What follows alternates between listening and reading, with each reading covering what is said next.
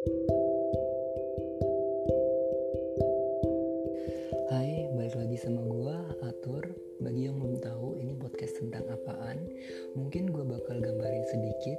Yang mana intinya di podcast uh, gua ini nanti, gua mau ngajak diri gua sendiri dan lo tentunya yang lagi dengerin untuk berpikir dan rehat sejenak dari aktivitas lo. Dan gua mau ngajak lo sesuatu itu dengan cara atau dari sudut pandang yang sedikit berbeda dari biasanya. Oke, okay, back to the point. Di sesi ini gue mau bahas tentang toxic positivity. Mungkin banyak di antara lo yang udah pernah dengar atau bahkan familiar sama istilah ini, tapi di sini uh, eh, gue juga yakin kalau masih ada juga yang belum tahu tentang istilah ini. But it's okay, no problem.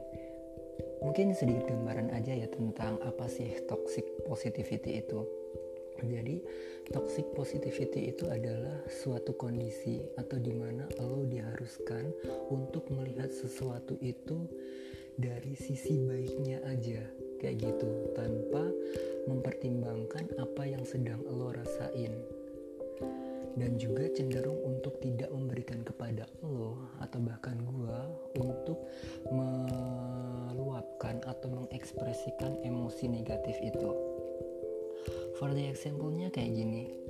Lo lagi jengah sama kondisi lo saat ini, entah itu karena pekerjaan, entah itu karena keluarga, atau mungkin lingkungan sosial lo yang uh, kurang sehat atau bahkan menekan. Lalu lo datang ke salah satu teman atau orang terdekat lo, lo cerita panjang lebar ke dia, tapi responnya apa coba?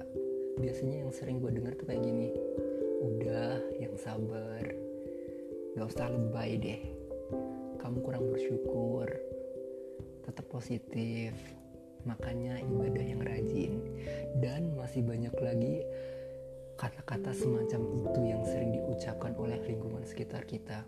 Percaya deh itu adalah sebagian kecil dari toxic positivity itu sendiri Kata-kata semacam itu mungkin uh, terdengarnya atau terkesan positif ya, tapi sebenarnya kagak loh. Kata-kata semacam itu seakan-akan mengharuskan lo atau bahkan juga gua untuk merasa baik dalam tanda kutip. And trust me, itu nggak bakalan sehat buat kondisi lo ke depannya. Why? Karena satu, saat lo selalu merepress kondisi lo untuk tetap terlihat baik-baik aja dalam tanda kutip, lama-kelamaan itu akan menjadikan stresor atau uh, memicu gangguan psikologis lainnya di dalam diri lo. Misalnya aja perasaan loneliness, kemudian insecure, kemudian mental block, dan masih banyak lagi. And trust me, again, kata-kata be positif itu akan malah memperburuk atau apa ya membuat mental seseorang itu lebih down kalau timingnya itu nggak tepat. Kayak gitu. Second perlu lo dan gue sadarin kalau berpikir positif itu nggak bisa sederhana itu. Apalagi kondisi kita dalam situasi yang tertekan atau kurang mengenakan.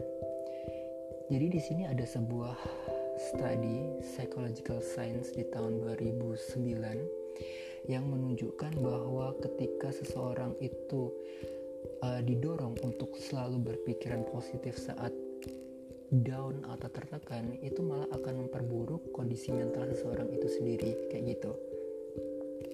Jadi pasti ada pertanyaan dong. Lalu gue harus kayak gimana? Kayak gitu. Oke. Okay. kalau di sini posisi lo sebagai subjek saran gue usahakan deh lo cerita ke orang yang bener-bener tepat.